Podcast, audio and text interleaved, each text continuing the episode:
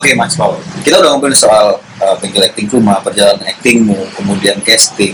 Uh, sekarang kita mau ngomongin soal bagaimana prosesmu menciptakan top. Kalau misalnya kamu kamu diminta untuk menjelaskan step-step penciptaanmu antara satu top, bagaimana caranya? Enggak 100% sama untuk tiap karakter. Oke. Tapi awal-awalnya selalu sama. Uh, selalu dari sembilan pertanyaan itu. Selalu itu hal pertama.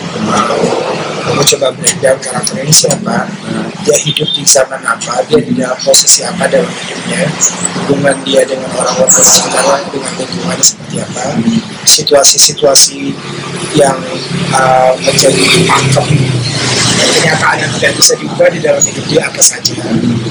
Uh, motivasi dia yang dia inginkan dari hidup apa? Yang kira-kira menghalangi dia kira-kira yang dia akan lakukan untuk mengatasi halangan itu apa? Itu selalu mulai dari itu. Uh, bangun dari situ dulu. Sisanya jika research membantu research. Uh, jika karakternya bisa di research uh, research. Observasi lapangan. Kayak waktu sama pagi malam. Aku tahu nih tipe om-om anjing si David ini seperti apa nih? Aku ke kafe-kafe yang sering di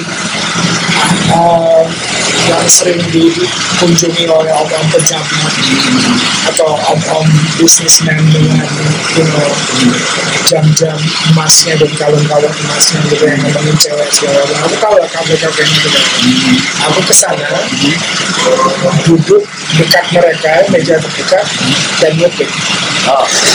dan observasi selama seminggu tiap hari. Dan coba up gestures pick up pembahasannya seperti apa gaya ngomongnya apa ketika mereka membicarakan perempuan seperti apa aku coba pick up dari situ. Terus selalu kalau bisa di aku akan research kalau bisa, perlu research lapangan aku akan akan research. Um, waktu kopi of my mind beda lagi. Karena kondisinya beda lagi. Waktu kopi of my aku nggak dikasih script uh, karena sama sekali tidak ada script jadi improvisasi uh, karakter aku aku cuma dikasih dua paragraf si pendek bahwa si Bandi ini siapa dan aku tahu dia manajer spa terus spa-nya melakukan treatment seperti apa gini-gini aku dan itu dikasihnya 24 jam sebelum Hmm.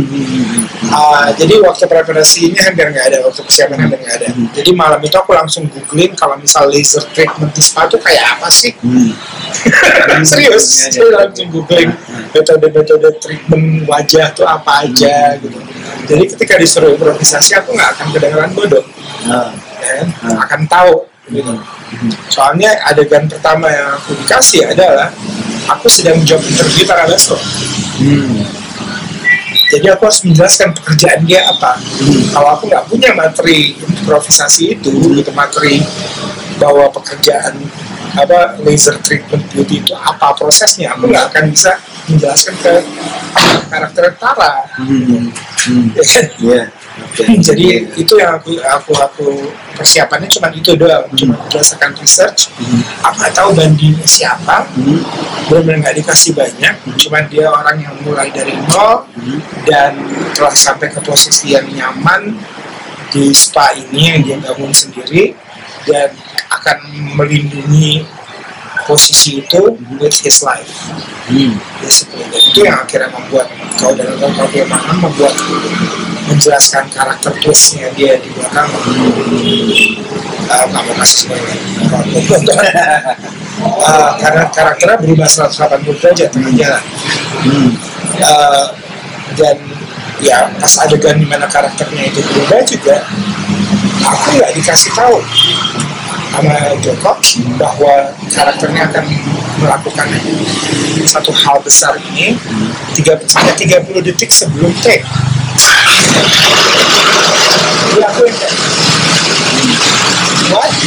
Oke, jadi harus memantaskan itu terhadap situasi di kepala kan. Oke, kenapa dia bisa sampai kayak gitu ya? Lo minta gue melakukan ini tapi kenapa gitu gue proses dulu apa dari situasi ini dan karakter ini yang membuatnya gue pikir oke dia bekerja keras dan satu kejadian ini mengancam semua yang dia bangun selama ini jadi reaksi dia akan ekstrim Hmm. dan itu aku harus nemuin dalam 30 detik Hmm. dan ya dapat gitu Ah. jadi setiap karakter beda si pendekatannya kayak di Abrakadabra uh, di mana aku jadi perempuan bukan transgender tapi perempuan itu kan lebih stres lagi Iya. gitu. Uh, aku pusing banget sama karakter itu karena skripnya tidak memberikan elemen personal yang terlalu banyak. Eh, sama sekali tidak. Tapi nggak ada elemen personal terhadap karakter karena fungsi dia ini adalah dia salah satu petinggi di asosiasi pesulap. Hmm. kan pesulap senior. Uh, jadi fu- fungsi dia tuh benar-benar kayak fungsi karakternya itu di dalam script. Lebih kayak mengayomi mencoba menyelamat mencari sol- solusi gitu. aspek kepribadian dia sedikit sekali. Dari situ. Karena aku belum pernah main perempuan semua hidupku gitu kan like I am not a woman. Uh, jadi yang kayak oke gimana gimana caranya masuk? Uh, dan itu capek banget. Bongkar bongkar bongkar. Lalu masuknya gimana ya? Situasional pun aku harus meng- mengarang banyak hal gitu, karena skrip tidak memberikan terlalu banyak Hmm. Uh, dan sampai akhirnya Hamin tiga Hmm. tes makeup Hmm. tes makeup ini tahap pertama yang batu yang banget Uh, proses untuk memakeup mengubah wajah ini menjadi Madam Zakaria sampai dengan wig dan segala itu prosesnya hampir tiga jam Hmm.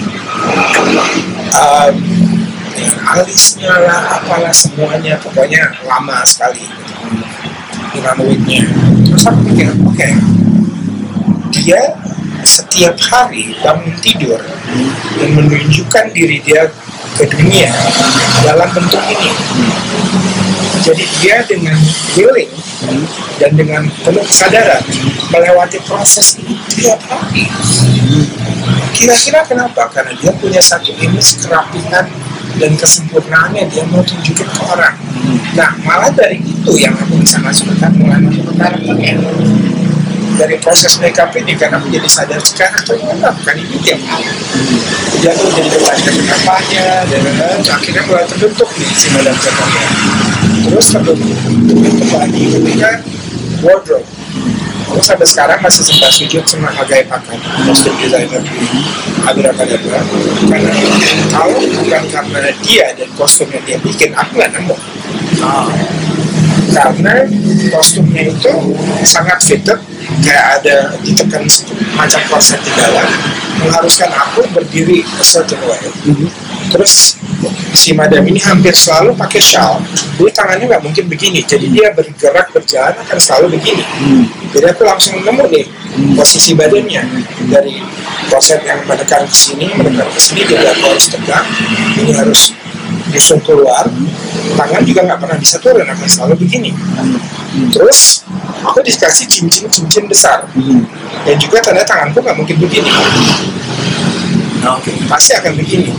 Gitu. Jadi dari wardrobe yang dikasih sampai topi-topi dan segalanya kayak dia punya pakai tiara yang mungkin kalau kita pakai tiara kita nggak akan serabutan menggunakan kepala kan? Pasti akan ada posisinya lagi sendiri Hmm. itu beneran aku langsung nemu Hmm. maka aku berhutang budi banget waktu itu sama wardrobe Hmm. ketika udah pakai bajunya aku yang saya yes I found you bitch ah susah banget darinya gitu kayak seneng banget waktu itu dan mungkin itu karakter pertama yang aku benar-benar pintu masuk terbesarku lewat pakaian dan makeup Oke. Jadi aku bersyukur banget sama Hagai sama Mbak Eva waktu itu karena proses itu yang bikin aku benar-benar Oke, nah tadi bilangnya bahwa setiap setiap tokoh punya metodenya masing-masing. Gimana caranya Mas Paul menentukan tokoh ini harus pakai metode, tokoh ini harus pakai metode? karakternya yang bilang sih kadang-kadang Maksudnya? kayak contohnya kayak Madam Zakaria bilang ke gue bahwa oh nggak bisa bedah kepribadian gue gitu Ah, karena di skripnya nggak ada oke, gitu. Jadi lo harus masuk dari dari keseharian gue berpakaian. Mhm. ya kadang-kadang kayak gitu jadi kayak karakternya yang akan bilang enak masuknya tuh lewat mana gitu. Um, apalagi kalau peran-peran ya seperti Madam Zakaria yang fungsi dia bukan fungsi personal. Maksudnya elemen personal si karakter nggak digali terlalu banyak dalam ini karena fungsinya hanya supporting aja. Gitu. Kan sering kita dapat karakter yang supporting di mana nggak dikasih banyak karakter history atau apa atau malah dialognya pun benar-benar dialog bisnis banget gitu.